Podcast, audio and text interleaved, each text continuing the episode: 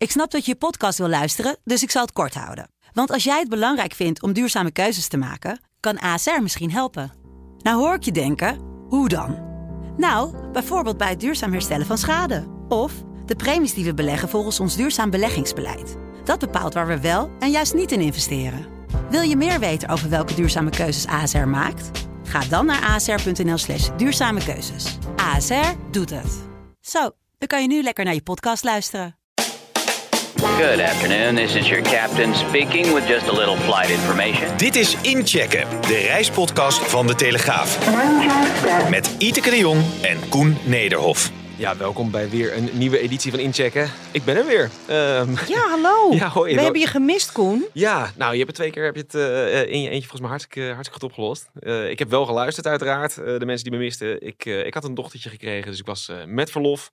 Gefeliciteerd. Ja, gaat allemaal hartstikke goed. Ik heb een paar weken gemist en het waren niet per se de weken waarin het heel handig was dat ik weg was. Er gebeurde een hele hoop. Ehm Zullen we maar gelijk even kijken wat er, eh, nou ja, wat er afgelopen twee weken eh, is gebeurd. Dan moeten we maar beginnen met KLM, want daar speelde zo ontzettend veel. Het is goed dat jij niet eh, met verlof was, Iteke. Nee, Ehm, ja, zo zie je maar weer. Ja. Ik, ehm, ik had wel wat reuring verwacht om de benoeming van een nieuwe topman of topvrouw bij KLM. Maar ik had eerlijk gezegd verwacht dat dat misschien nog even wat verder in de tijd zou zijn. Dus dat het misschien in mei, juni zou spelen. Ja. Ja, het kwam toch allemaal. Hè, vorige week werd ineens bekend. Of ineens, ja, toch eigenlijk wel eh, ook voor bronnen van mij binnen KLM. Dat het ineens toch wel heel erg Het is heel snel gegaan. snel hè? Ging. Ja. Hè, want eh, aanvankelijk werd door KLM gezegd van. eh, en ook bronnen in de Raad van Commissarissen zeiden tegen mij: we gaan het rustig doen. En ineens werd de druk erop gezet. En eigenlijk, de grote verrassing hieruit is eigenlijk dat eh, topman Pieter Elbers per 1 juli eigenlijk buiten het bedrijf wordt gezet. Ja, ja.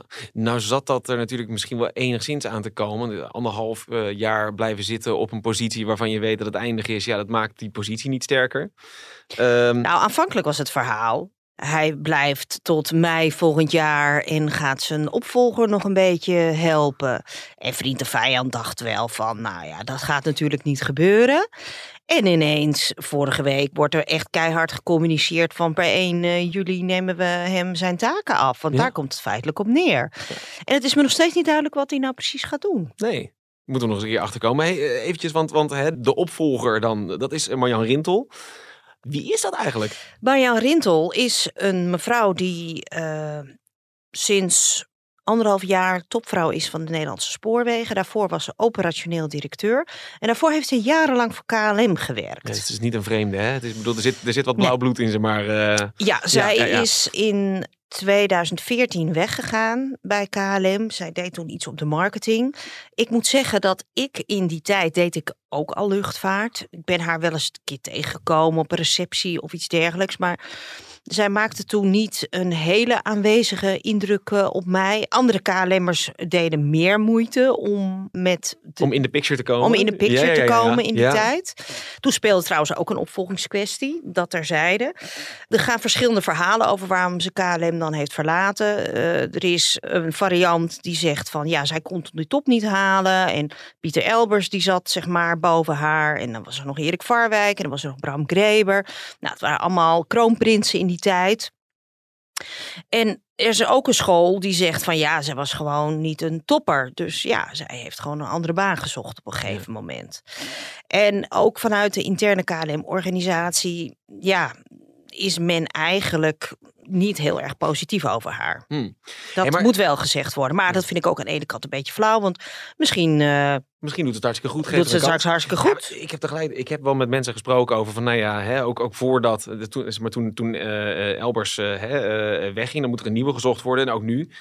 Ja, eigenlijk komt het erop neer, joh, de- deze baan wil je op dit moment gewoon niet hebben. Want er zitten zoveel haken en ogen aan wat er nu binnen het bedrijf speelt. Met de Fransen, eh, met, met alles wat er nu speelt. eh, met die hè, het meeste naar Parijs proberen te halen. KLM, eh, min of meer een regional carrier proberen te maken. Ga er maar aan staan. Lekkere baan. Ja, en dat is dus ook een beetje waar de argwaan bij de vakbonden op dit moment zit. En ook de ondernemingsraad. Ja, die is pissig, hè? Dat, dat was een... Ja. eh, Ja, de ondernemingsraad. Nou, want kijk, hè, eh, eh, ja, de benoeming. de ondernemingsraad heeft nog niet een advies uitgebracht. Nou, hey, zij worden daar heus niet geconfronteerd, uh, mee, uh, mee geconfronteerd op donderdagmorgen toen dat bericht naar buiten ging. Nee. Dat, dat, er is natuurlijk informeel contact in, uh, in het traject daarvoor. En de ondernemingsraad die zit eigenlijk meer in de andere kandidaat. En dat is Pieter Bootsma, die werkt ook al uh, heel veel jaren in, uh, bij KLM. Ja, dat is iemand die kent de klappen van de zweep van het internationale luchtvaartwereld, kent hij wel. Hij was betrokken bij verschillende grote deals in het verleden. Dus uh, heeft verstand van het netwerk, want dat, dat is niet, ja, Rintel die was marketing en daarvoor operatie op Schiphol. Dus ja, het gevoel was toch van, nou ja, misschien is Bootsma toch de betere op dit moment op deze ja. plek.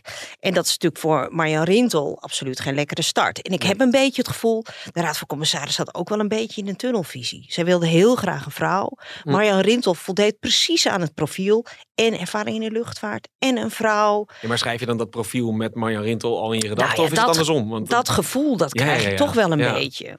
En er spelen natuurlijk spelletjes tussen Nederland en Frankrijk. Ben Smit, de topman, die zit in de Raad van Commissarissen van... Daar gaan we het zo nog even over hebben. gaan we het zo meteen. Maar goed, die heeft hier natuurlijk ook een rol in. Ja. Ik begreep aanvankelijk dat hij... Um, voor Bootsma was. Die kent hij goed. Die Ja. heeft hij aan een touwtje, bij wijze van spreken. Ja, ja, ja, Daar werkt hij dagelijks mee samen. Ik dacht van, nou, Frankrijk bepaalt uiteindelijk. Dus het zal Bootsma wel worden. Dus Smit is toch op de een of andere manier... heeft hij toch gedacht van... oké, ik ga toch voor de keus van de Raad van Commissarissen van KLM. Ik ga hier geen ruzie over maken op dit moment. En de ondernemingsraad van KLM... die is dus bang dat mevrouw Rintel niet stevig genoeg is... en ook de vakbonden zijn er bang voor... in dat spel met Frankrijk. Gaat Marjan Rintel op het moment dat ze ziet... dat de frequenties naar New York vanuit Parijs worden opgevoerd en Amsterdam blijft achter, gaat zij dan zeggen tegen Smit van hallo, kom eens even terug met die frequenties. Zullen we dat nog even fair and balanced hebben ze ooit uh, afgesproken? Moet de ontwikkeling zijn? Kom even terug met een paar uh, vluchten ook uh, naar Amsterdam. Ja. Zullen we daar nog even naar kijken? En dat is natuurlijk het grote ding in de komende jaren. Is zij, gaat zij die confrontatie aan met Parijs op het moment dat dat moet. Ja, Zij heeft vorige week niks hè? gezegd tegen Ja. de media, dus we hebben Nee. haar dat ook nog niet kunnen vragen. Reageert ze, ik bedoel, eh, hè, de, de eerstvolgende podcast willen we haar graag hier hebben. Dus- Ja, dat gaan we, dat gaan we Zullen proberen te ja, regelen. nou, bij deze, ja. ja, ja. Ze luistert ongetwijfeld. Dit punt een beetje onderstrepend. Ehm, hier moeten we van zien van, nee, inderdaad, hoe gaat ze het doen? Tegelijkertijd, er, er speelt nog iets bij KLM. Dat was nou, de dag erna volgens mij. Ik bedoel, eh, we hadden vrijdag die benoeming, of donderdag die benoeming. En dan vrijdag daarna kwam volgens mij het jaarverslag. Als ik het goed zeg, was het maandag. Dat was weer maandag. Ja. Maar zaterdag had ik ook nog weer een verhaal over het loonoffer. De International eh, Labour Organization. Dat is een VN-orgaan en die bemoeit zich met arbeidsvoorwaarden. Die heeft een uitspraak gedaan in een zaak die een aantal KLM-vakbonden hebben aangespannen over dat loonoffer tot 20% Misschien weet iedereen dat nog. Ja. KLM moest gered worden van ondergang. Personeel moest tot 20% van de arbeidsvoorwaarden inleveren. En een aantal vakbonden die vonden dat het kabinet, die stelde die eis. Hè, Bobke Hoekstra, misschien weten we dat, dat die dwong die piloot uiteindelijk tot, tot tekenen van vijf jaar. Nou, en de vakbonden hebben gezegd van, het kabinet is hiermee op de stoel van de directie gaan zitten, is in ons mandaat getreden. En uiteindelijk is daar een uitspraak over gekomen een paar weken geleden. En de vakbonden die hebben nu tegen KLM gezegd, nou, die vijf jaar geldt voor ons niet meer. Nee. Oftewel, draai het maar terug. Dat, dat loonoffer wankelt dan. Dus ze willen aan. wel een loonoffer geven, maar ze zeggen van daar moeten we opnieuw over rond tafel. Ja, ja. En de pilotenvakbond die is nog verder gegaan, want die hebben onlangs een nieuwe CAO afgesloten. Ja, En die hebben gezegd, die CAO geld is, is wat ons betreft, het hele speelveld is veranderd door, eh, door die uitspraak van de ILO. Ja, die nieuwe CAO is eigenlijk ook niet meer van toepassing. En daar zit de adder voor KLM. Want je kunt denken, ja, nou goed, dat loonoffer, dat was twee, twee jaar geleden. De wereld is veranderd. Eh, pff, dat is water under the bridge, zoals ze dat dan zeggen in het Engels. Gedane zaken nemen geen keer. Maar zo'n CAO eh, is natuurlijk wel cruciaal voor KLM. Want daarin hebben ze bijvoorbeeld ook afspraken gemaakt over flexibiliteit, over roosters. En als de piloten nu zeggen, er is geen CAO. Ja, dan kan het zijn dat hè, in een uiterste geval KLM eh, bijvoorbeeld vluchten moet annuleren. Omdat de piloten zeggen, ja, maar wij, zijn, eh, wij voelen ons niet gebonden aan dat Ja, eh, ja, ja, ja. rooster. Ja. Want ik wilde wel vragen aan je. Van, nou ja, ik, ik, hoor, ik hoor hier van, nou ja, zomaar dat loonoffer kan wel eens een keertje op de tocht komen te staan. Nou ja, dat betekent dat KLM meer geld kwijt aan personeelskosten. Dan denk ik gelijk, zie je, dan ga ik weer meer betalen voor een vliegticket. Bovenop al hè, alle brandstof, Ja, brandstof, perikelen, de ja. vliegtuigs, de, Ja. de- noem het allemaal maar op. Hier hoor ik ook gewoon vanuit, zou nog eens kunnen zijn dat ik op dinsdagochtend aankom op eh, Schiphol met mijn koffertje en die vlucht gaat. Die, omdat de piloot zegt, ja, eh, er is geen rooster, toedeloe. Ja, in het uiterste geval kan dat. Ja, ze kunnen het bedrijf, eh, zouden ze plat kunnen leggen Ja. in het uiterste geval. Ik begrijp van bronnen dat het oorlog is op dit moment.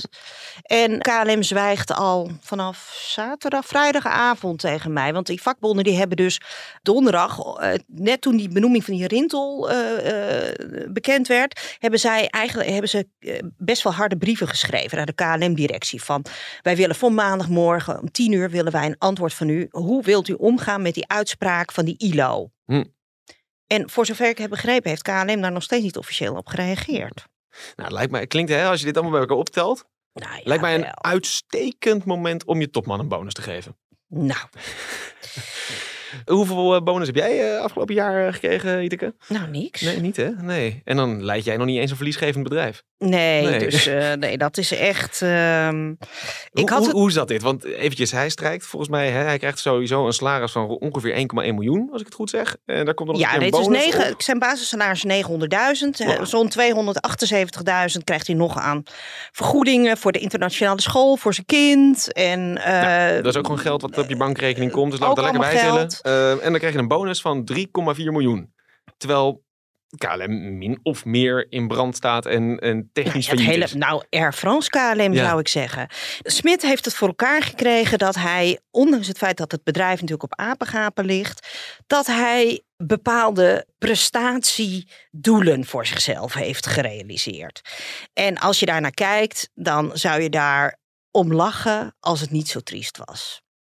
Want hij krijgt nu bijvoorbeeld eh, een, eh, dus allemaal uit verschillende parameters is het opgebouwd. Waaronder bijvoorbeeld, hij haalt dan een score van 25%, omdat het operationeel resultaat eh, best wel goed is in vergelijking tot Lufthansa en IAG, de Britse eh, luchtvaartcombinatie. Dan denk je echt van, nou, je bent toch gestoord. Je bent alle twee verliesgevend. Ja, Dus hoe kun je nou zeggen dat je dan goed presteert? het voelt ook een beetje, ja, maar het voelt, en, en het voelt heel gek dat weet je, je personeel wordt opgezadeld met een loonoffer omdat je bedrijf gered moet worden. Ja, dat is vooral bij KLM natuurlijk. Bij Air France zit, zit het anders.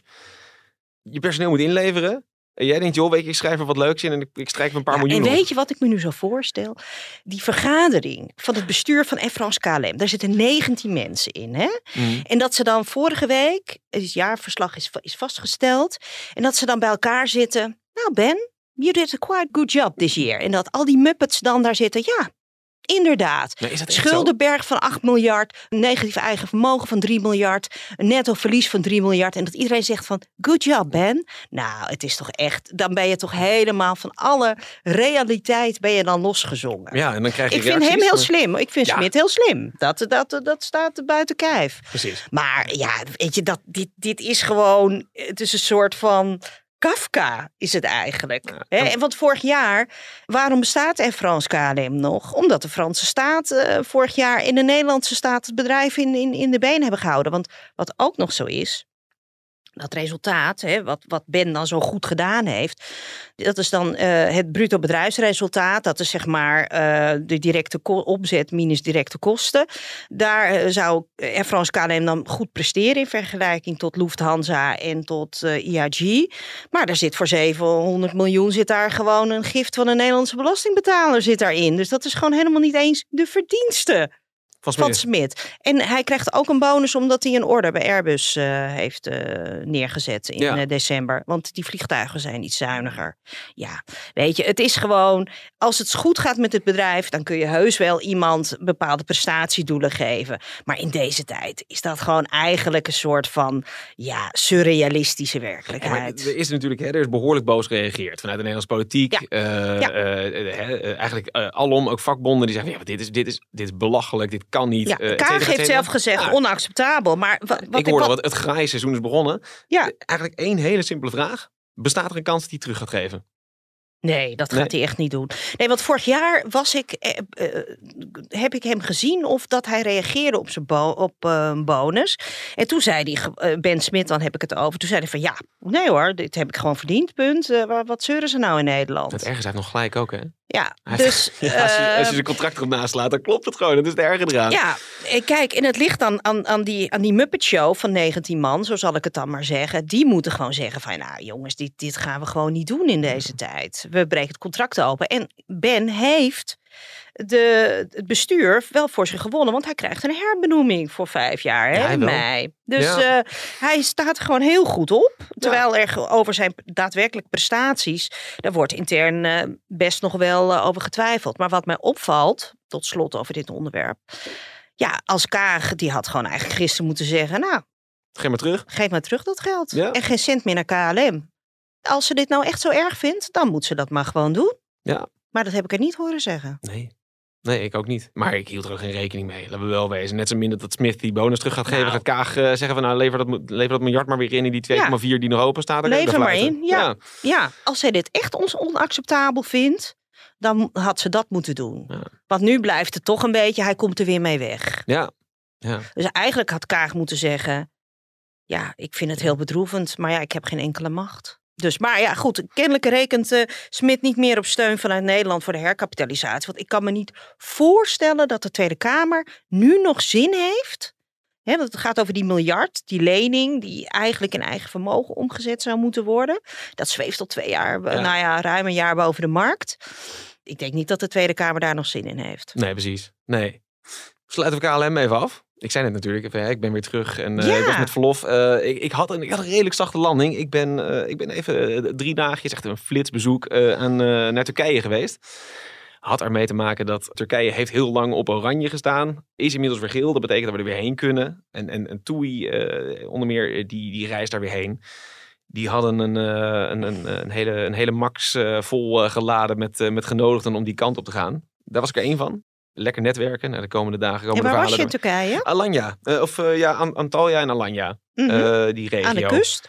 Ja. Ja, was leuk hoor. Dat je daar, hè, sta je daar op een strandje en dan krijg je de foto's binnen dat het hier sneeuwt. Dat was niet heel verkeerd. Kijk, ik bedoel, je bent er gewoon aan het werk, hè, laten we wel wezen. De verhalen die je daar hoort, dat is wel heel erg. Wij hier natuurlijk, hè, de reisbranche heeft het hier zwaar gehad. De overheidssteun zat daar wel wat anders in elkaar. Dus ik sprak daar echt met een, met een tourguide. Die zei van, joh, weet je, dit is voor het eerst in 2,5 jaar tijd dat ik een microfoon vast heb in een bus en weer eh, Nederlands rond mag rijden. Er zijn collega's geweest die er gewoon echt aan onderdoor zijn gegaan. Kosten liepen door. Inflatie in Turkije is, nou, dat is ik, gigantisch. we denken dat we het hier erg hebben. ja, Nou, 60 procent. ja, precies. De lira is gedevalueerd. Dus de- daar is het echt, echt heel bedroevend geweest. Ja, en er speelt nu iets anders. Kijk, nu mag West-Europa weer komen. Nu eh, komen de Russen niet. Oh, als je niet door de hond wordt gebeten, dan is het wel door de kat. Ja, klopt. Dus ze, ze, ze- ja, ze gaan dus toch een moeilijk seizoen weer tegemoet. Ja, er zit voor, er zit voor Nederlanders een voordeel aan. Omdat hè, er zijn in Turkije best wel veel hotels die echt bijna volledig afhankelijk zijn van zeg maar, de, de oostkant van Europa. Of de kant die die komt. Nou, die gaan natuurlijk nu stunten met prijzen. Dat betekent dat andere hotels min of meer daarin mee moeten doen. Oftewel, ja, als je nu nog niet geboekt hebt, eh, die prijzen in Turkije, dat, dat eh Zoe vermeldde dat laatst al, die, die signaleerde al van hé, er is een paar procent afgegaan. Ja, dat zet nu keihard door. Het wordt gewoon Ah. goedkoper. Lekker ko- op een koopje naar Turkije deze Eh, zomer. Ja, precies. Het is een beetje wat, wat die gasten in die winkeltjes allemaal zeggen. Lekker kopen, lekker kopen, lekker drinken. Ehm, dat, dat is er nog steeds. Mm. Helaas, dat is niet verdwenen. Maar er, er daar zit echt wel iets, iets grappigs. Daar zijn die prijzen enorm aan het dalen. Ja, of dat nou per se goed is voor de, voor de Turkse economie, dat wil ik allemaal een beetje daar laten. Volgens mij hoeven we met de hoteleigenaren niet zo heel veel eh, eh, medelijden te hebben daar. Maar de, maar prijsstijging van ehm, grondstoffen en dergelijke, dus hè, het eten en drinken, alles is duurder. Hoe, hoe, hoe kan het dan dat zo'n vakantie daar goedkoper wordt? Mij wordt min of meer verzekerd dat die, hè, die, die kwaliteit die wordt wel gewaarborgd. Ze kunnen ook niet heel veel anders. Eh, als ze daarop in gaan leveren, dan krijg je dat mensen één keer komen en dan denken, nou dat ga ik nooit meer doen. Mhm, Terwijl mhm. Turkije juist bezig is om dat hele platte all-inclusive toerisme een beetje van zich af te schudden. Mm. Ehm, ik moet nog zien of dat hè, voor, de, voor de grote massa lukt, maar er wordt wel aan gewerkt. Ja, dan op een gegeven moment moet je, eh, hè, dan moet het ergens anders vandaan komen. En dan moet je toch mensen proberen te lokken om in ieder geval maar zoveel mogelijk te komen. Ehm, je kan niet met 50% blijven draaien. Dat hebben ze al twee jaar gedaan. Ja, dat is vies tegengevallen uiteraard. Dan moet je nu iets anders gaan doen. Ja, ik, ik Zijn ben- er genoeg eh, gasten om al die hotels te vullen deze zomer? Nou, Vanuit West-Europa, denk je? dat is de helft van de markt hè, die er in één keer bij gevonden moet worden. Ik weet dat, dat eh, de boekingen naar Turkije, die gaan richting het niveau van 2019. Dat is, hè, dat is het heilige jaar, eh, Ja. het jaar pre-corona. Ja. Ehm, als ik bijvoorbeeld uh, Manfred Lahey spreek, dat is zeg maar de, de, nou ja, laten we hem de beddenbaas noemen van, eh, van TUI. Die zegt van, nou, hè, we, we gaan nu heel hard naar dat niveau toe. We lopen nog iets achter, maar telkens wordt het gat kleiner. Op een gegeven moment zitten we gewoon op par. Dat hoor ik ook bij andere bedrijven. Die zeggen van, nou, weet je, het, gaat gewoon echt heel goed. Alleen, ja, weet je, Nederlanders, er gaan 400.000 Nederlanders naar Turkije. De Duitsers alleen al is al 4 miljoen. Nou, kun je nagaan als je de helft in de markt pakt. Of ze daar in Turkije heel veel... eh, hè, Nederlanders zijn in feite een druppel op de gloeiende plaat. Tegelijkertijd, in tijden van inflatie kan ik me zo voorstellen dat je, eh, als je nu een vakantie moet gaan boeken, dat je denkt, hé, hey, eh, dat is een interessante optie. Dus eh, dat maar even meegegeven. Ja, en dat, dat is toch wel een, eh nou, gratis tipje, zullen we zeggen. Het is alleen een beetje de vraag, eh, als je erheen vliegt in de zomervakantie, hoe vroeg je op Schiphol moet zijn. Nou, weet, ik kreeg vanochtend een mail van Transavia. Oh? omdat ik binnenkort ga vliegen. Ja, jij vliegt dit weekend, geloof ik, hè? Ja, Ja. privétrip. Drie uur van tevoren. Voor binnen Europa. En dat zonder corona-perikelen, zonder eh, de hele nou ja, kennelijk moeten moeten voor mijn bestemming moet eh, de, ook eh, de QR-code en dergelijke nog worden gecontroleerd. Ja. Maar het viel me echt op. Niet eens van twee uur, maar drie uur. Drie uur. Ja. Nou, we gaan het meemaken Lekker dan. zaterdag. En dan is het nu nog april. Het was de FNV hè, die hier begin deze week Ja. over op de trom sloeg. Ehm, nou, ook die- Schiphol die heeft het bevestigd. Ja, klopt. Wat speelt hier? Eh, Volgens mij is het eigenlijk gewoon heel simpel. Er zijn handjes tekort op Schiphol. En dat, dat vertaalt zich in een beetje alle vlakken van, van de luchthaven. Bij het inchecken, de bagageafhandeling. Hè, hoeveel mensen er gewoon domweg achter een balie zitten om jou te kunnen helpen. Ja, En al met al... maar de chaussee. Ja, en al met al komt het er dan neer dat je inderdaad... Hè, dat er gewoon hele lange rijen gaan ontstaan. En dat mogelijkerwijs gewoon vluchten geschrapt Nou gaan ja, worden. Ook kijk, hier weer. FNV die zegt van eh, ja, Schiphol die moet gewoon eh, vluchten gaan schrappen, want anders is het niet veilig genoeg. Nou, ik denk dat er nog wel wat tijd is om eh, richting de zomervakantie mensen te werven. Desnoods moeten ze gewoon die uurtarieven voor die flexwerkers om, omhoog gooien. Ik had even contact gehad met Swissport. Die doen de afhandeling van een aantal luchtvaartmaatschappijen op Schiphol. En die zeggen ja, richting de meivakantie wordt het krap. Dus langer wachten. Dus we, ja, en of die chaos die FNV voorspelt, of we die gaan meemaken. Ja, we zullen het zien. Ik weet wel, in 2017 was het ook heel erg. Toen waren ook, eh, was de boel ook niet eh, op, op, op sterkte. Bij de beveiligings, eh, bij de bagagecontrole, hè, Hmm. dat wordt gedaan door beveiligingsbedrijven, was toen een probleem. Dus ja, het kan wel heel vervelend worden hoor. Eh, Hier hebben we vorig jaar toch ook mee te maken gehad. Hè? Dat, dat er, er er zijn een aantal bedrijven, of is een aantal bedrijven, dat eh, bijvoorbeeld afhandeling doet, dat eh, bij die balie staat, eh, noem het Ja. allemaal op. Die concurreren met elkaar. Daar zit een soort race to the bottom. Althans, dat zegt de FNV of dat nou echt is. Nou, ja, dat- er, is- tarieven er, is dalen. nu, er is nu een soort van minimum, er is nu een bodem ingelegd. Dus dat, Ja. dat, is, dat is onlangs gebeurd. Ja, nou ja, dat, daarmee zou je dan zeggen van, hé, eh, daar helpt het misschien iets mee. Maar daar staan daar mensen voor een bedrag wat misschien hè, eh, veel lager is dan als je bij de GGD gaat werken, te werken. Ja, Ja. dan zou ik ook bij de GGD gaan staan. Ja. Nogal wie. dus Bij de het- Albert Heijn verdien je meer. meer Nou ja, precies. Kijk, en eh, dan zou je die tarieven moeten verhogen. Alleen wat je dan weer krijgt, is dat die bedrijven die daar aan het werk zijn, die lopen dan dus uit hun eigen contract. En volgens mij zijn dat contracten die voor meerdere jaren zijn afgesloten. Schiphol gaat dan zeggen, ja, goh, ik ga niet meer betalen. nee, dat ligt weer tussen Schiphol en de beveiligingsbedrijven. Dus daar zullen we de komende weken maar eens even goed eh, op, op eh, blijven letten. Ja. Het eh, bizarre van deze hele situatie is ook nog dat eigenlijk het aantal reizigers nog lang niet op het niveau zit Nee. van 2019. Nee. Daar zit, eh, zitten we nog altijd. Nou, misschien in de. Ja, je zit natuurlijk met een paar pieken. De meivakantie is misschien wel een piek.